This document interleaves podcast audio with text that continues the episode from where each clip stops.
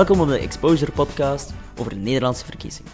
Een vijfdelige reeks over trends in politieke communicatie toegepast op de Nederlandse verkiezingen. We zullen jullie een update geven over de actualiteit en bespreken zaken als Facebook, personal branding, big data, Instagram en Snapchat en video's. Maar eerst en vooral een update door Tim Steen. Goedemorgen Tim. Goedemorgen Reinoud. Ja, de, de teerling is geworpen, zou men in, uh, zou men in België zeggen. De, de mensen hebben gestemd en uh, de VVD is uh, de grootste partij van Nederland. Inderdaad, het volk heeft beslist, de verkiezingen zijn geweest en de uitslag is ook bekend. en ook heel fijn, heel rustig in de media nu, nu de uitslag geweest is, is het, gaat het een stuk minder over politiek. Voor degenen die dat niet interesseert, die kunnen nu weer rustig de televisie aanzetten. ik vind het wel jammer, maar daarom uh, praat ik nu vandaag nog even jullie bij over de uh, grootste zaken van de verkiezingsuitslag. Ja, heel fijn. Um, Tim, ondanks wat velen dachten, is de VVD toch, ja, toch uitgesproken de grootste partij. Um, inderdaad, de pijlers hadden het wel verwacht dat de VVD de grootste zou worden, maar dat er zo'n groot verschil zat tussen de nummer 1 en de nummer 2, dat hadden we dan nog niet aanzien komen. De Nederlandse Tweede Kamer heeft 150 zetels en de VVD heeft er daar 33 van weten te bemachtigen. Daarmee zijn ze de grootste partij, uh, gevolgd door de PVV, die er 20 hebben, dus dat is een verschil van 13. Maar we moeten niet vergeten dat de VVD bij de vorige, vorige verkiezingen 41 zetels had. Dus dat is nog steeds een verlies van 8 zetels. Mm. Terwijl uh, Geert Wilders zijn partij, de PVV, die, die gaat er wel op vooruit.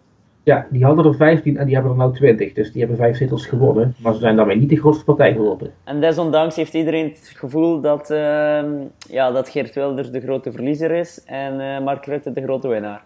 Uh, nou ja, dat, vooral, dat gevoel dat speelt vooral in buitenlandse media. Die hebben uh, de Nederlandse verkiezingen echt intensief gevolgd. Uh, vooral door Geert Wilders. Uh, na de verkiezing van Trump, na de Brexit, was dit eigenlijk het volgende eikpunt voor het populisme, zoals de buitenlandse media dat noemden. Uh, en toen bleek dat Geert Wilders niet de grootste is geworden, was hun mening dan ook: het populisme heeft niet gewonnen in Nederland. Uh, maar zo stellig zou ik dat niet durven zeggen, want de VVD uh, is dan wel de grootste partij geworden, maar de PVV komt er toch achteraan. En die hebben wel zetels gewonnen in plaats van verloren. Dus zo stellig zeggen dat het populisme verloren heeft, dat zou ik niet durven. Ja, we moeten het een beetje nuanceren. Precies. Oké, okay, Tim, dus de VVD die hebben eigenlijk meer zetels binnengehaald dan verwacht is uh, dan het resultaat van uh, de premierbonus die we vorige week hebben besproken? Ja, dat zou je eigenlijk wel kunnen zeggen. Want voor die Turkije-rel, zeg maar, stond de VVD nog op 24 zetels in de peilingen. En toen is die Turkije-rel echt uitgebarsten. Dat heeft de premier laten zien dat hij een echte leider is. dat hij het best wil voor zijn eigen volk. en dat heeft hem wel meer zetels opgeleverd waarschijnlijk. Ja, nee, een geluk bij een ongeluk. Precies, er kan wel een uh, bloemetje naar Turkije worden gestuurd door, uh, door meneer Rutte. Want ik denk dat hij daardoor zeker meer zetels gewonnen heeft. Ik denk dat hij het ook achteraf gezien niet zo erg zal gevonden hebben. Dat klopt. Maar uh, de PVV, tweede partij. En dan hebben we ja, een reeks andere partijen die wat ongeveer de even, evenveel zetels hebben. Dus het zal waarschijnlijk geen makkelijke coalitievorming worden. Precies. Uh, de VVD is omdat de grootste, de PVV de tweede. En daarna krijgen we CDA en D66 met allebei 19 zetels. Uh, GroenLinks en de Socialistische Partij, de SP, hebben er 14. Uh, eh, vervolgens hebben we ook nog de Partij van de Arbeid, die heeft 9 zetels. Ja, die, die zijn er wel serieus op achteruit gegaan. Dat is wel echt de grootste verliezer van de verkiezingen. Bijna alle partijen hebben zetels gewonnen of zijn gelijk gebleven. Alleen de SP die had er 15, hebben er nog 14, die hebben er eentje verloren. Maar de Partij van de Arbeid, die hadden 38 zetels in de Tweede Kamer. En die hebben er nog maar 9, dus die hebben er 29 verloren. Ja, dat is een gigantische slag voor die partij. Inderdaad, echt een hele gigantische slag. Ja, dus, um, maar nu ik je zo hoor, dan, dan, ja, dan buiten GroenLinks zijn vooral ook de, de linkse partijen nou wat afgestraft.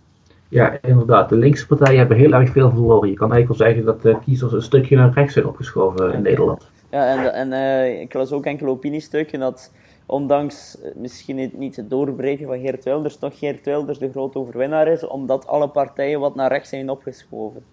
Ja, die uh, opinie die wordt inderdaad veel uh, gedeeld hier in Nederland. Dat de VVD en het CDA dat die eigenlijk rechtsere taal zijn uit gaan slaan. En dat ze daardoor meer zetels gewonnen hebben. Ja, je zou het inderdaad een overwinning voor Geert Wilders kunnen noemen. Mm Alhoewel die er zelf natuurlijk iets over zou denken. Ja, wat moet er nu gebeuren met coalitievorming? Uh, dat is een goede vraag. Uh, normaal gesproken komt er informatie met de koning. Die gaat dan kijken welke partijen samen moeten gaan spreken. maar de Tweede Kamer heeft besloten dat ze dat zelf willen gaan doen sinds de vorige verkiezingen. Dus nu is er een verkenner aangesteld, mevrouw Schippers. Dat was de minister van Gezondheidszorg. en zij gaat met alle partijen praten en zij komt donderdag met een verslag. En dan gaat zij een advies geven welke partijen met elkaar om tafel moeten. Uh, maar algemeen wordt wel gedeeld dat er uh, drie partijen sowieso mee gaan doen. Dat zijn VVD, CDA en D66. Uh, maar die hebben maar 71 zetels en er zijn er 76 nodig voor een meerderheid. Dus er moet nog een partij bij. En het wordt waarschijnlijk of GroenLinks of de ChristenUnie. Mm, maar de ChristenUnie die hebben zelf maar vijf zetels. Dus ja, die hebben vijf zetels en 71 en 5 is 76. Dat is een meerderheid, maar het is inderdaad wel een hele krappe meerderheid. Ja. En wat is de kans dat, Groen, dat GroenLinks ehm, of dat de VVD een coalitie vormt met CDA, D66 en GroenLinks, volgens jou? Uh, dat is wel moeilijk te zeggen. De VVD uh, eh, en GroenLinks, uh, ja, ze staan natuurlijk niet zo heel dicht bij elkaar als je hun programma's vergelijkt. Maar ik denk dat ze op sommige punten wel zeker eh, overeen kunnen komen. Bijvoorbeeld over de, over de ethische kwesties, bijvoorbeeld abortus of dat soort zaken of mensen die graag willen sterven, die een le levenseinde, noemen ze dat, hulp bij levenseinde. -huh. de, daar, of dat soort zaken, daar kunnen ze zeker overeenkomen, maar meer de economische kanten, daar zijn ze wat minder snel uit, denk ik. -huh. Dus ja, ik weet niet, ja, dat, dat moeten ze uit onderhandelen. Wat eruit gaat komen, dat, dat weet ik niet. Maar ja. het zou zeker kunnen dat GroenLinks in de, in de regering gaat zitten. Ja, volgens mij is er ook gewoon geen andere mogelijkheid. Ik denk 76 zetels is gewoon veel te krap. En, en ik denk niet dat, uh, of ik zal het anders zeggen, maar Rutte heeft niet echt goede ervaring met een, een gedoogbeleid of een gedoogcoalitie. Dus. Nee, daar is hij zeker niet voor. Ja. Uh, maar de, ja, de ChristenUnie zou erbij kunnen. Wat, wat ook nog kan, is bijvoorbeeld de PVDA erbij, want die hebben er negen. Daar kom je ah. ook wel uit op meer zetels. Maar de maar de PvdA heeft al gezegd dat ze deze, deze keer niet willen regeren. Omdat ze zo hard verloren hebben, ze gaan zeker niet regeren. Ja, dat is ook een beetje logisch, ja. Goed Tim, uh, even uitkijken dan naar de coalitievorming. In, in België heb ik ook gelezen dat, er, of dat de Nederlanders verwezen, uh, het zullen Belgische toestanden worden. Uh, ja, ik zei de vorige keer al, het zal waarschijnlijk heel lang gaan duren, ja, maar ik hoop toch niet dat we het wereldrecord jullie afpakken. Ja, maar en anders uh, dan proberen wij de volgende keer het wel weer af te snoepen. Precies, precies. nee, Tim, misschien nog even overlopen hoe de online campagnes waren van de politieke partijen. Want ik las onlangs, of ik las gisteren tenminste, een, uh, een opiniestuk of een uh, analyse waarin bleek dat eigenlijk de partijen die het best online campagne gevoerd hebben, ook het best gescoord hebben. Klopt dat volgens jou? Um, ja, en dat geldt zeker voor de nieuwe partijen. je hebt Denk, dat is dus, ja, het is niet een uh, een moslimpartij, maar ze zijn er wel vooral voor moslimmensen eigenlijk, uh, voor moslims. Uh, ze, ze, zeggen er voor iedereen te zijn, maar vooral veel moslims hebben op die partij gestemd. En die hebben echt een hele goede online campagne gevoerd, op Facebook vooral. en die zijn nu in de Tweede Kamer gekomen met drie zetels, dus dat is heel knap van ze. En ook Forum voor Democratie is een nieuwe partij, dat is ook een beetje een rechtse partij. En die hebben bijna helemaal geen media-aandacht gekregen op tv. Maar die hebben wel twee zetels uh, weten te winnen. Dat is heel knap in Nederland. Dat is een nieuw, nieuwe partij in de Kamer. Uh, en zij hebben ook vooral via Facebook campagne gevoerd. En zij zeiden ook telkens, ja, we staan dan misschien niet, op zoveel zetels in de peiling en we krijgen niet zoveel media-aandacht, maar we merken op Facebook dat er heel veel mensen zijn die ons steunen. Wij denken zeker dat we zetels gaan halen. het is altijd maar afwachten of dat echt klopt, want je kan natuurlijk ook niet zeggen als nieuwe partij, ja, wij doen het zo slecht, wij gaan geen zetels halen. Maar ze hadden inderdaad gelijk en ze hebben zetels gehaald. Uh, en wat ook knap is, is GroenLinks. Die hebben ook een hele goede online campagne gevoerd. Uh, ook met heel veel mailtjes en dergelijke.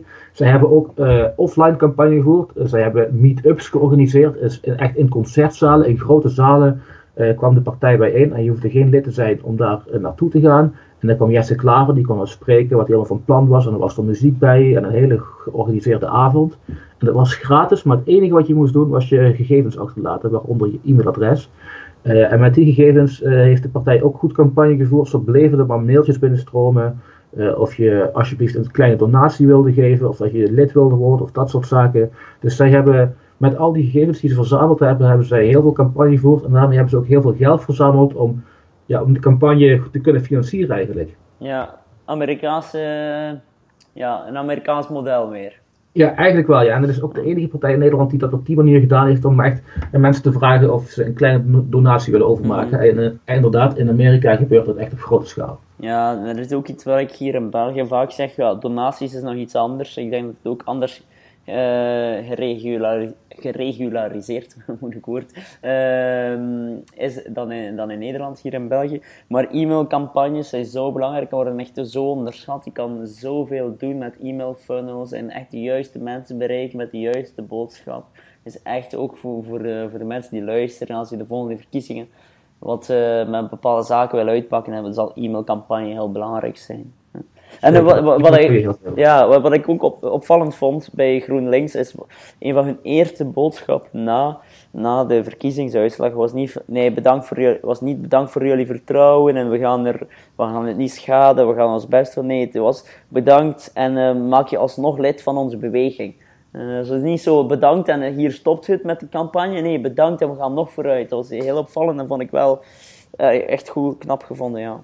Ja, dat zeiden ze zelf ook uh, telkens. Dit is niet het einde, dit is pas het begin. We gaan nu pas beginnen. Dit is echt een beweging. Uh, kom, ja, kom, kom erbij. Uh, doe wat je kan. En dit is het begin. Nu gaan we echt Nederland veranderen. Zo zeggen ze het. Ja, typisch Obama. Die zei dat ook in zijn, zijn speech. ja, zijn, denk ik zijn eerste campagne. Maar Jesse Klaver wordt ook vaak vergeleken en een beetje als spottend met, met Obama. Hè? Ja, en ook met Justin Trudeau en met ja. allemaal mensen eigenlijk. ja.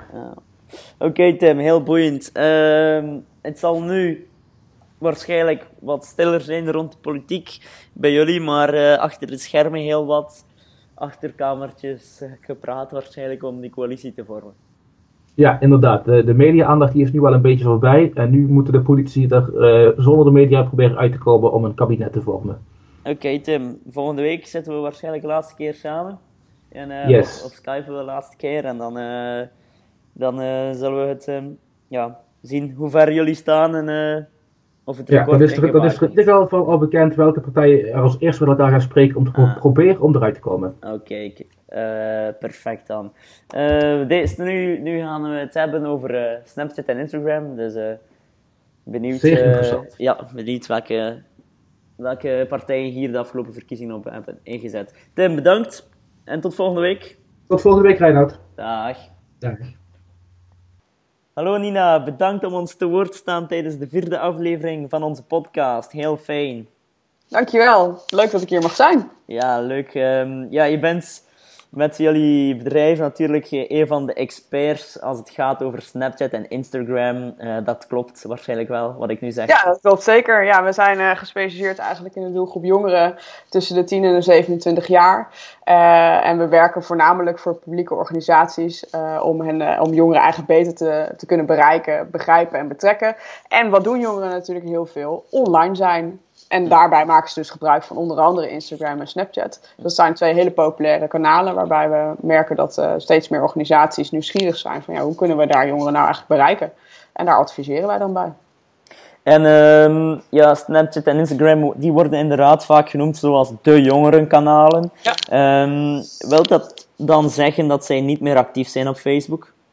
Nee, dat wil het zeker niet zeggen. Maar je ziet wel dat uh, met name wat jongere doelgroepen, dus dan kun je denken aan 13, 14, 15-jarigen, um, dat zij um, Facebook wat anders gaan inzetten. Het is echt een familiekanaal geworden. Dus daar waar je ook je opa en oma en je vader en moeder ontmoet, um, daar waar je eigenlijk vooral de bijzondere dingen op online zet. Hè, bijvoorbeeld het, uh, het behalen van een uh, examen of een toets of iets anders bijzonders. Dat deel je vooral op Facebook. En uh, Instagram en Snapchat zijn veel meer dagelijkse kanalen. Dus waar ze zich dagelijks op bevinden.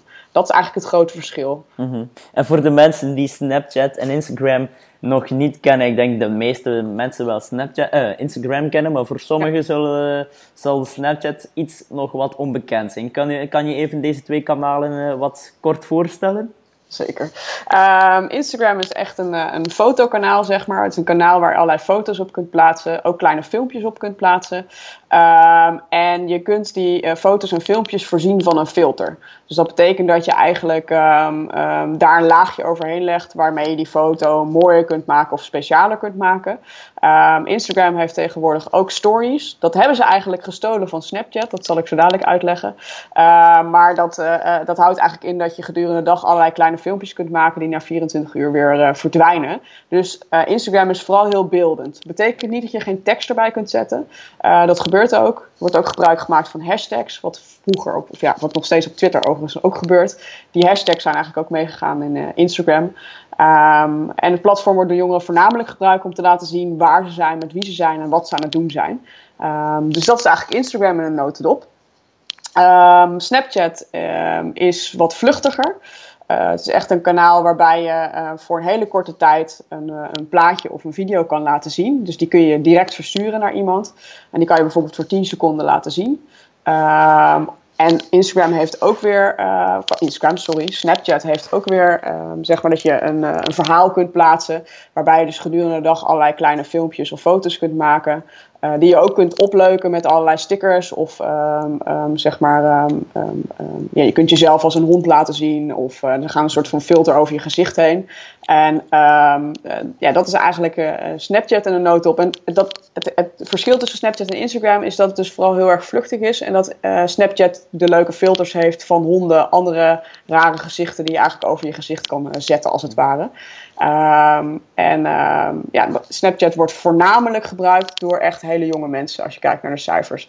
Wordt ook gebruikt om te laten zien wat je gedurende de dag uh, doet, maar uh, daar mag je ook nog wat gekker zijn. Dus een hele rare pose van jezelf, of misschien een beetje beschamende foto, want hij verdwijnt na 10 seconden of binnen 24 uur. En bij Instagram is het nog wel iets meer dat je uh, een mooie foto gaat maken. Ja, ja, ja. ja, op Instagram ga je nog wel meer een beetje van je, van je leuke leven tonen en nog wat, te, wat meer tonen hoe leuk je het hebt. En op ja. Snapchat, ja, daar trek je iets wat minder van aan. Dan deel je ook ja. gerust wat minder leuke dingen. Ja, minder leuke dingen of uh, gewoon gekke dingen ja, of een beetje schaapte dingen.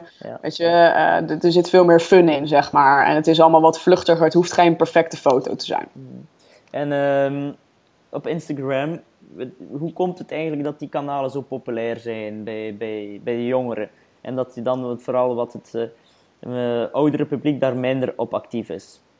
Uh, het, is, het is allebei heel erg beeldend. Dus het gaat vooral om foto's. En je ziet eigenlijk dat deze uh, jonge doelgroep minder gericht is op tekst. Nou, als je kijkt hoe Facebook ontstaan is. Uh, als ik ook nu kijk hoe ik zeg maar um, zes jaar geleden, zes, zeven jaar geleden iets op Facebook zette, dan was het allemaal textueel. Dus het waren allemaal zinnen. Um, en, en, en jongeren van nu zijn gewoon veel meer gewend aan beeld. Ze groeien er heel erg mee op, maar het is ook iets wat ze makkelijk vinden. Uh, dus dat is wat, wat Instagram en Snapchat voor hen veel aantrekkelijker maakt. En wat voor uh, zeg maar volwassenen wat lastiger is, omdat die dus niet zo beeld-minded zijn als, als jonge mensen. Ja, oké, okay, dus wij zijn echt... Allee, ik spreek even in de wij-vorm, ja. ik ben ook nog best jong. We zijn vooral opgegroeid met de beelden, terwijl, jong, terwijl meer de oudere generatie inderdaad vooral met de krant is opgegroeid waarschijnlijk. Ja. Wij vooral, ja, vooral met televisie, ja, inderdaad. En dat maakt het verschil dat, we, dat de jongere generatie steeds liever de beeldende media hebben. En, uh, en dan ook sneller afstappen, of niet echt afstappen, maar eerder stappen naar een kanaal als uh, Snapchat of uh, Instagram. Ja, precies, dat, dat klopt okay. helemaal. Mooi samengevat.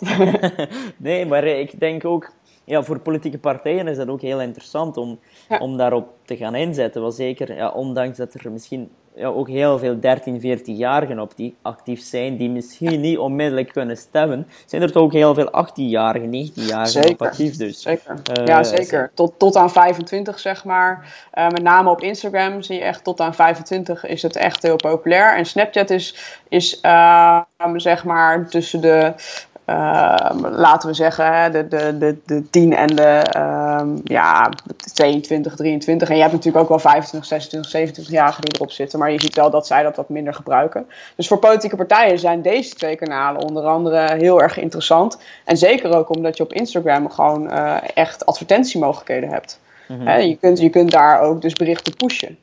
Uh, wat gewoon voordelig kan zijn om een bepaalde doelgroep te kunnen bereiken.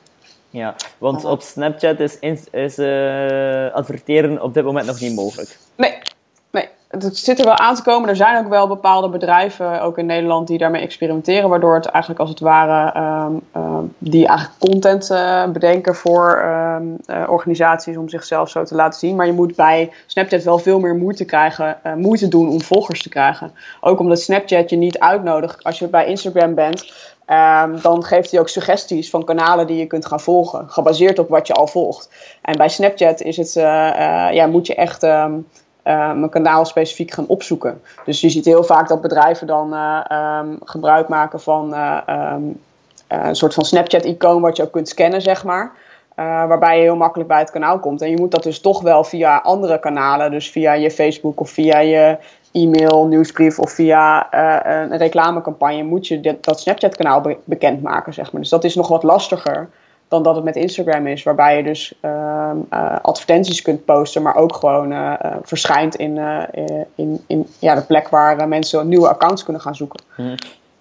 ja, ja, en zou je dan, ik ga even wat verder ingaan op, op Snapchat en straks kunnen we nog even terugkeren op Instagram, maar zou je dan als, als, als expert aanraden als, als, aan politie om toch op Snapchat in te zetten? Want dan denk ik, uh, dat het heel moeilijk is om veel volgers op te bouwen. Dat ten eerste, dat er geen advertentiemogelijkheid is, ten tweede. En uh, ja, ten derde, hoe kan ik dan mensen bereiken of, of jongeren uh, mijn, mijn standpunten laten zien, mijn, mijn leven tonen of, of mijn werk tonen tenminste. Ja. Is dat dan wel de moeite om daar je tijd te in, investeren als politicus? Nou, het lijkt... Um, ja, zeg maar, enerzijds wel. Um, als je daar ook bedreven in bent. Dus als je het heel erg leuk vindt om te doen, dan denk ik dat je, er, dat je daar succesvol op kunt worden. Maar ik denk dat het voor veel mensen Snapchat gewoon ingewikkelder is dan Instagram. Dus als je dan echt een keuze moet maken, dan zou ik eerder zeggen van ga toch lekker op Instagram verder. En laat Snapchat nog even voor wat het is. Maar het is wel een kanaal wat je gewoon, zeker als je jongeren wil bereiken, echt in de gaten moet gaan houden. Want het gaat zich wel uh, echt doorontwikkelen, denk ik. Uh, dus, dus het is niet iets wat we kunnen schrappen van nou daar hoeven we even niet meer mee bezig te houden. Ehm, maar ja, ik denk dat voor veel, voor veel organisaties Instagram wel makkelijker is om op te pakken dan Snapchat. Mm Oké, en voor, de, voor zij die er, wel willen mee starten, die het zoals jij zegt, graag gewoon graag doen, uh, welke, welke tips of hoe moeten ze starten? Uh, door het gewoon echt lekker uit te gaan proberen. Um, door echt gewoon regelmatig verhalen te maken van jezelf. Dus gedurende de dag daar dingen te vertellen over wat je aan het doen bent. Uh, waarom je iets doet. Um, ook gebruik te maken van, van de, de stickers uh, die, die, Instagram, of die Snapchat um, heeft. van de, alle filters. Dat je dus echt alle mogelijkheden gaat uitproberen. En ook gaat kijken van ja, weet je hoeveel mensen kijken er nou? Hoeveel mensen gaan mij toevoegen? Hoeveel mensen kan ik toevoegen? Um, uh, om het uit te proberen van ja, hoe kun je je bereik daar uh, vergroten. En het is wel zo, kijk, je ziet natuurlijk ook allerlei uh, vloggers, wat natuurlijk ook heel erg populair is onder jongeren. Die gebruiken vaak ook Snapchat en Instagram. En die krijgen dus via hun kanaal, via een andere kanalen, zeg maar, daar weer volgers op. Dus je, dus je kunt het zeker laten groeien. maar daarvoor moet je ook gewoon eerst actief zijn. En gaan proberen en leuke dingen maken. Zodat mensen het ook de moeite waard vinden om je, om het, om je te gaan volgen. Ja. Um, en dat zit er met name in jongeren, uh, als we er zelf ook mee experimenteren. We hebben een eigen jongerennetwerk. Uh, dus wij proberen ook altijd jongeren te bereiken. Dan zien we gewoon dat ze het super leuk vinden om te zien wat we gedurende de dag te doen. En dat we daar dan ook iets over vertellen. Dus wanneer we gaan praten, dus niet alleen video doen, maar wanneer we ook gaan praten. Dan zien we gewoon dat er veel meer views zijn dan wanneer we alleen een foto posten of alleen maar een video waarbij we eigenlijk niks zeggen. Dus daar zie, we, zie ik echt wel uh, verschillen in, zeg maar. Mm Maar uh, moeten ze het ook wel vooral uh, ja, gaan bekendmaken op Facebook via e-mail misschien? Of ja, ja. e-mail misschien minder relevant voor de doelgroep. Maar ja. uh, moeten ze het ook eerst en vooral bekendmaken? Ja. Ze moeten het ook bekend gaan maken, ja. Ja, ja zo werkt het toch wel. En, en ook gewoon zelf natuurlijk mensen gaan volgen die je al kent. Zodat die ook weer ja, gaan verspreiden dat jij, dat jij een leuke account bent om te gaan volgen. En wat kan je dan allemaal delen op Snapchat? Of wat zou jij aanraden om als ja, misschien ik ben bijvoorbeeld premier Rutte, wat kan ik allemaal uh, delen op Snapchat? Ja, waar, zeker als premier Rutte, waar ben je nou eigenlijk? Hè? Wat doe je? Met wie, welke mensen spreek je? Kun je daar uh, korte filmpjes van maken zonder dat je natuurlijk allerlei dingen gaat onthullen die niet mogen? Maar het was bijvoorbeeld voor Rutte heel leuk geweest als hij tijdens de exit poll misschien dat ook op Snapchat had laten zien. Mm -hmm. uh, of iemand anders hem had laten filmen, zeg maar. Uh, waardoor je op Snapchat mee kunt kijken hoe hij eigenlijk ervaart om die exit poll binnen te krijgen en te denken van, hé, hey, we zijn er. Weet je, we, we, hebben dit, we hebben het geflikt, zeg maar. En daar die blijdschap te zien. En uh, een kijkje achter de schermen tijdens zo'n feestje van zo'n exit poll. Wat gebeurt er dan bij de VVD? Wat, hoe vieren zij een feestje? Is dat met champagne of uh, is dat met uh, zandkoekjes? Ik weet het niet. Maar ja, wat, wat, gebeurt er dan eigenlijk? En dat, dat maakt voor jongeren zeker. Hè? Rutte is iemand die natuurlijk die veel ziet op tv, maar je weet eigenlijk niet wat die man doet. En nog leuker zou zijn als hij af en toe een filmpje maakt dat hij thuis komt en dat hij zijn kat knuffelt. Ik weet helemaal niet of Rutte een kat heeft, maar... Of een Belgisch biertje aan het drinken is. Ja, precies, een Belgisch biertje aan het drinken is nog beter natuurlijk. Maar dat hij ook iets van zijn persoonlijke leven laat zien, zeg maar. En dat is gewoon waar die kanalen ook heel erg toe uitnodigen. Ik denk ook dat dat overigens is wat volwassenen ook lastig vinden ten opzichte van jongeren. Je deelt gewoon veel meer van je leven. En dat betekent dat ook mensen dingen kunnen zien die jij uh, misschien niet zou willen laten zien. En dat is voor jongeren natuurlijk heel anders. Maar zij willen die dingen wel graag zien. Zij willen juist dat kijkje achter de schermen zien. Van wie ben jij? Wat doe je? Hoe voel je je? Mhm. Wat vind je leuk? Wat vind je niet leuk? Dat is wat ze eigenlijk van je willen weten. Ja, heb, je, heb je Hillary Clinton gevolgd of Donald Trump tijdens de afgelopen Amerikaanse verkiezingen op Snapchat? Nee, bij toeval niet. Nee, nee. kijk, ik heb die beide gevolgd op Snapchat. En, en uh, ja, er was toch een heel groot verschil met Hillary Clinton en Donald Trump. Bij Donald Trump was het sporadisch eens. Uh, Nu nog, ik volg hem nu nog altijd op Snapchat. En de enige keren is, is uh, ja, je ziet ook altijd dollartekens passeren op Snapchat. Alleen maar geld. Ja, ja, echt waar, echt waar. En uh, Hillary Clinton, ja, die had echt wel iemand in dienst die daar constant mee bezig was. Die was ja. constant haar aan het branden op Snapchat. En ook bijvoorbeeld het moment dat voor ze op het podium moest komen om te speechen, ja. dan werd dat allemaal op Snapchat echt achter de schermen gedeeld. En ja. Met, uh, ja, met Lady Gaga samen en zo allemaal even spreken. Uh, dat is echt wel... Eigenlijk echt heel leuk om te volgen, echt waar. Precies. Maar Hillary was ook echt iemand die zei van, ik wil graag die jeugd meekrijgen. Dus zij heeft dat heel bewust ingezet. Ja, ze heeft daar dus wel een expert bij betrokken. Uh, maar het geeft inderdaad een beeld van wie is Hillary en hoe vindt zij het inderdaad voordat ze een podium opgaat. Welke mensen ontmoet zij? Zij ontmoet mensen die, die jij en ik uh, waarschijnlijk niet gaan zien in ons leven, behalve ergens ver op een podium. Maar in ieder geval niet uh, gearmd of kunnen spreken, zeg maar. Dus dat mm. maakt het inderdaad heel tof om echt gewoon te laten zien waar ben je en wat doe je en wie ontmoet je allemaal. Ja, ja klopt. Dat was echt, echt eigenlijk wel leuk om te volgen. Als, je, ja, als, als buitenstaander dan was dat wel ja, dat was een leuke opportuniteit. Maar goed, ja. even ja, Snapchat verlaten. Laten we even uh, naar het misschien voor politie meer interessantere kanaal gaan. Eh, dat is denk ik, ja, denk ik toch Instagram. Ja, uh, in vergelijking met Snapchat. Ja, hoe doen politieke partijen het nu in, in, in Nederland volgens jou? Nou, ik heb net even zitten zoeken op uh, zeg maar de algemene kanalen van uh, politieke partijen. Um, dus dan zeg maar de, de hoofdkanalen van bijvoorbeeld een GroenLinks of een, uh, een, eh, eh, P van de A. Um, toevallig twee linkse partijen, maar dat is nou eenmaal wat ik stem. Maar daar zie ik op zich wel wat activiteit, maar niet uh, in extreme mate. En toen dacht ik, nou, dan ga ik meneer, meneer Klaver dus even opzoeken, Jesse Klaver. waarvan hij eigenlijk ook altijd gezegd heeft, nou, ik wil die jeugd meekrijgen. Dat is hem overigens ook gelukt, als je kijkt naar de resultaten. En dan zie je dat hij ehm, ja, toch zo'n ja, 26.000 volgers heeft. Uh, dus dat is behoorlijk veel, bijna 27.000 zie ik. Um, terwijl hij niet zo heel veel berichten geplaatst heeft. Maar als je dan kijkt naar wat voor berichten hij geplaatst heeft, um, dan zijn het variërend van een aantal wat meer persachtige foto's. Uh, maar vooral heel veel um, ja, foto's die hij gewoon, ja, in ieder geval, waar, waar hij suggereert dat hij ze zelf gemaakt heeft. en je ziet bijvoorbeeld ook de laatste foto die hij gepost heeft, is de, de kus die hij gaf aan zijn vriendin uh, na de uitslagen. En dat is een moment wat in Nederland heel veel besproken is. Dat is Obama, uh, precies Obama. Opnieuw. Ja, dat, dat is precies Obama misschien wel inderdaad. Um, en dat is wel echt heel mooi. Je ziet daar, daar heeft hij gewoon uh, 7.500 likes op gehad. En uh, superveel uh, reacties op. En, en hij, hij vertelt daar ook echt een verhaal bij. Dus hij zegt inderdaad ook van wat een avond, een prachtige afsluiting. Um, en GroenLinks heeft gewoon... GroenLinks is een partij die heel heel veel heeft ingezet, ook op social media. En daarmee hebben zij die groep gewoon getrokken. En of dat nou per se Instagram is geweest, ik denk dat zij voornamelijk vooral op Facebook uh, bezig zijn geweest, omdat het daar gewoon makkelijker blijft om te adverteren, zeg maar. Um, maar je ziet gewoon dat zij, en ook ze hebben, um, ze hebben zeg maar een WhatsApp-kanaal uh, geïnstalleerd, waarbij je zeg maar zelf kon zeggen van, nou, ik vind dit belangrijk. Waarom doen jullie daar niets mee? Of kun je daar iets mee gaan doen? Of, dus je kon allerlei ideeën insturen. Ehm, en zij hebben bijvoorbeeld ook inderdaad de meetups die ze hebben gehad en alle, eh, eigenlijk alle standpunten. En Jesse vooral echt heel erg gebrand op social media. En dat heeft gewoon echt gewerkt. Dat zie je gewoon. Ehm, en dat, dat, is, dat is gewoon heel bewonderingswaardig, vind ik, voor een politieke partij. Dat ze zoveel jonge mensen hebben kunnen uh, bereiken via social media. Uh, en ook vastvolwassenen.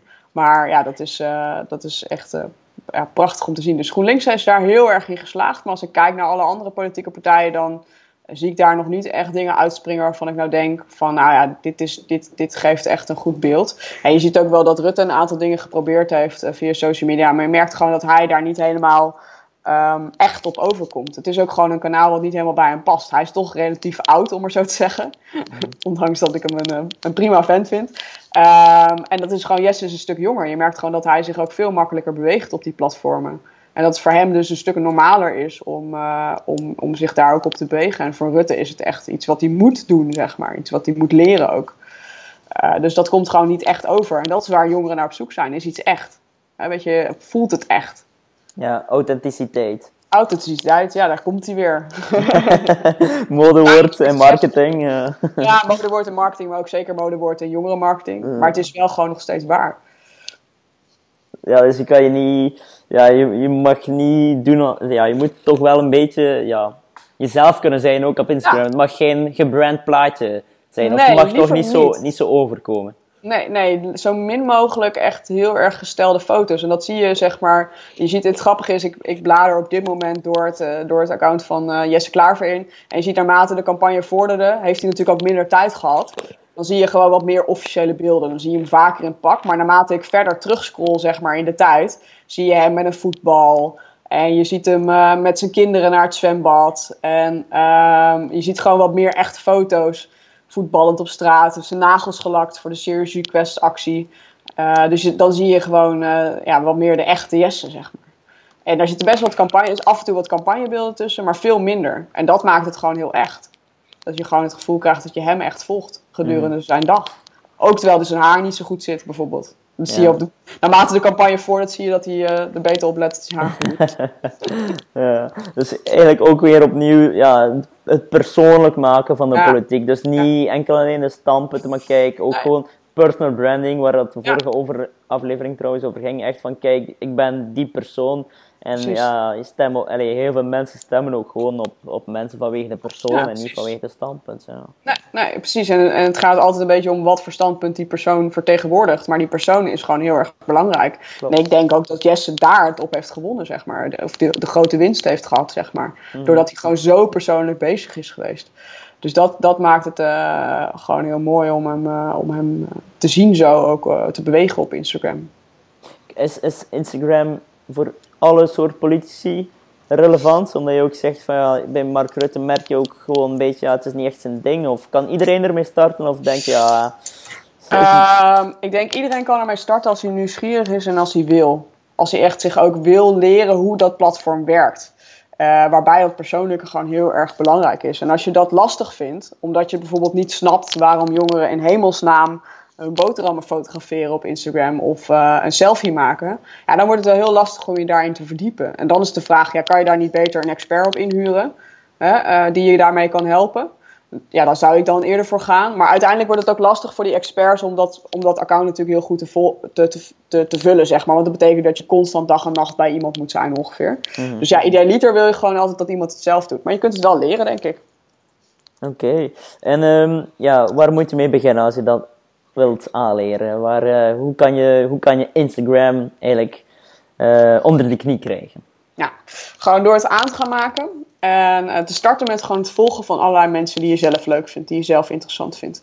Um, zodat je kunt zien wat doen zij. Hè? Hoeveel likes krijgen zij op een bericht? Uh, wanneer werkt iets wel, wanneer werkt het niet? En door ook gewoon inderdaad, net zoals met Snapchat, zelf uit te gaan proberen. Dus ga maar foto's maken, ga maar video's maken. Kijk maar wat er gebeurt uh, op het moment dat je dat doet. En je gaat vanzelf wel merken, en dat is ook zo, heeft Facebook en Twitter eigenlijk ook gewerkt. Hè?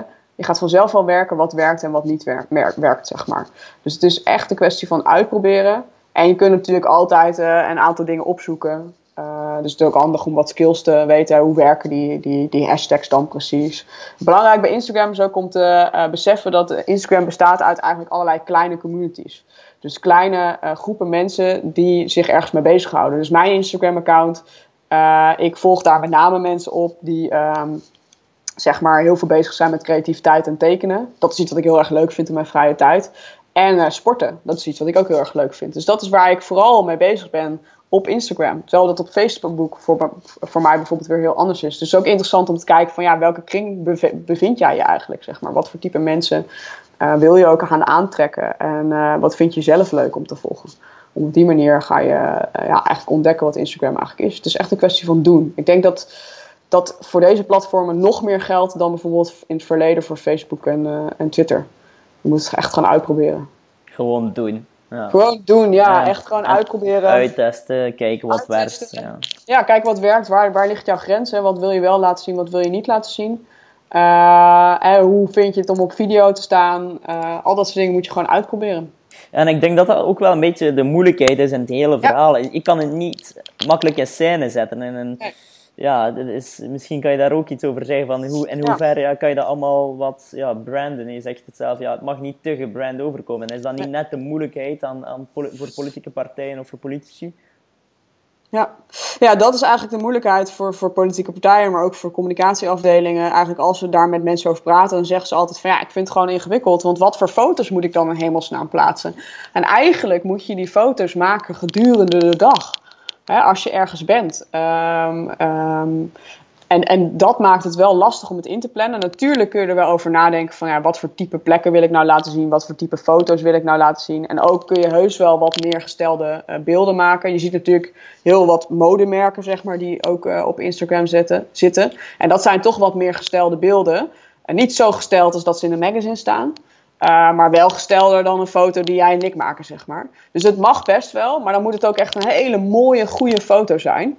Uh, en nog wel echt genoeg aanvullen. Dus, dus dat is dat randje, zeg maar, tussen wat is echt en wat is niet echt. En wat is gesteld en te gesteld. Uh, dat is gewoon heel moeilijk om, dat, uh, om daar direct iets over te zeggen. Dat, is, dat ligt ook heel erg afhankelijk aan de persoon wie je bent. Uh, ik vind dat Jesse prima online kan komen met een beetje barrig haar. Want hij heeft ook gewoon een bepaalde bos haar. Weet je, dat past gewoon bij hem. Dat is misschien ook wel een beetje zijn, zijn vrouwelijke USP of zo, weet je wel. Dus dat, dat mag. Maar bij Rutte verwacht ik misschien ook wel iets officiëlere foto's. Omdat hij ook de premier is van Nederland. Dus dan mag het misschien ook wel wat officiëler en wat gestelder zijn. Dan is het misschien wel heel erg fijn als hij iemand heeft. Iemand met een goede smartphone heeft. En die goed fotoperspectief kan pakken. En die gewoon hem volgt. Dat is op zich prima. Ja. En bij andere mensen verwacht je een wat ruwer beeld. Ja, ik denk uh, dat dat inderdaad gewoon de moeilijkheid is. Dat je gewoon ja. niet alles onder controle kan hebben en dat je daar moet wel mee leren leven. Want ja, ja. We, zijn er weer met ons modewoord, maar het moet authentiek zijn. Het moet authentiek zijn en dat, en dat maakt het gewoon ingewikkeld. Dus je moet, je moet in dat opzicht, hè, moet je natuurlijk niet loslaten dat je nadenkt over wie is je doelgroep, wie wil je bereiken en wat zijn je doelstellingen. Uh, maar de manier waarop je die gaat bereiken, waar je normaliter misschien een fotoshoot gaat plannen, uh, zul je dat nu, um, ja, zul je meer moeten leren op wat voor spontane momenten je die content kunt maken. Mm -hmm. Dat is de moeilijkheid. Ja. ja, en ja, je doelgroep is natuurlijk extreem belangrijk. En dat is ook het voordeel ja. aan Instagram, is dat je ook gewoon kan adverteren. Ja, precies. Ja, dat, is heel, dat maakt het heel prettig. Het werkt gewoon, uh, je kunt dat uh, onder andere via Facebook doen. Ja, en ook via Instagram zelf ja, dat, dat, dat is allemaal gewoon heel erg goed uitgedacht. Hè. Je kunt daar heel erg specificeren op doelgroep, op plek, op allerlei andere dingen, op onderwerpen. Dus je, je kunt daarin makkelijk wel um, um, mensen bereiken. Je ziet overigens wel als met jongeren daarover praten, dat ze wel snel zeggen, ja, een advertentie moet wel echt heel erg opvallen, wil ik hem zien. Mm -hmm. En dan scroll ik er gewoon overheen, want dat is wel echt het gevaar van Instagram. En je scrolt heel snel, zeg maar, want er zijn veel beelden. Um, dus je scrolt ook wel snel over een, uh, een, advertentie heen. Dus het is echt belangrijk dat die opvalt. En als ik daar met jongeren over praat, dan zeggen ze eigenlijk altijd ja. Uh, een knallende kleur, een grote letter of zo. Of iets wat er echt uitspringt tussen al die foto's. Waarbij ik dan even blijf hangen en denk, huh, wat is dit? Dus dat zijn uh, dingen die ze ook wel aangeven voor, voor, voor advertenties. Ja. ja. waar moet je dan op letten? Je moet echt opvallen tussen al die fotostromen. Want anders denken mensen dat het gewoon een foto is. Oké, okay. ja. ja. Um, om te eindigen, um, wat, zou jij, wat zou jij kunnen adviseren, of wat zou volgens jou het beste advies kunnen zijn aan politici als je jongeren wilt bereiken? Als je als politici jongeren wil bereiken, ja.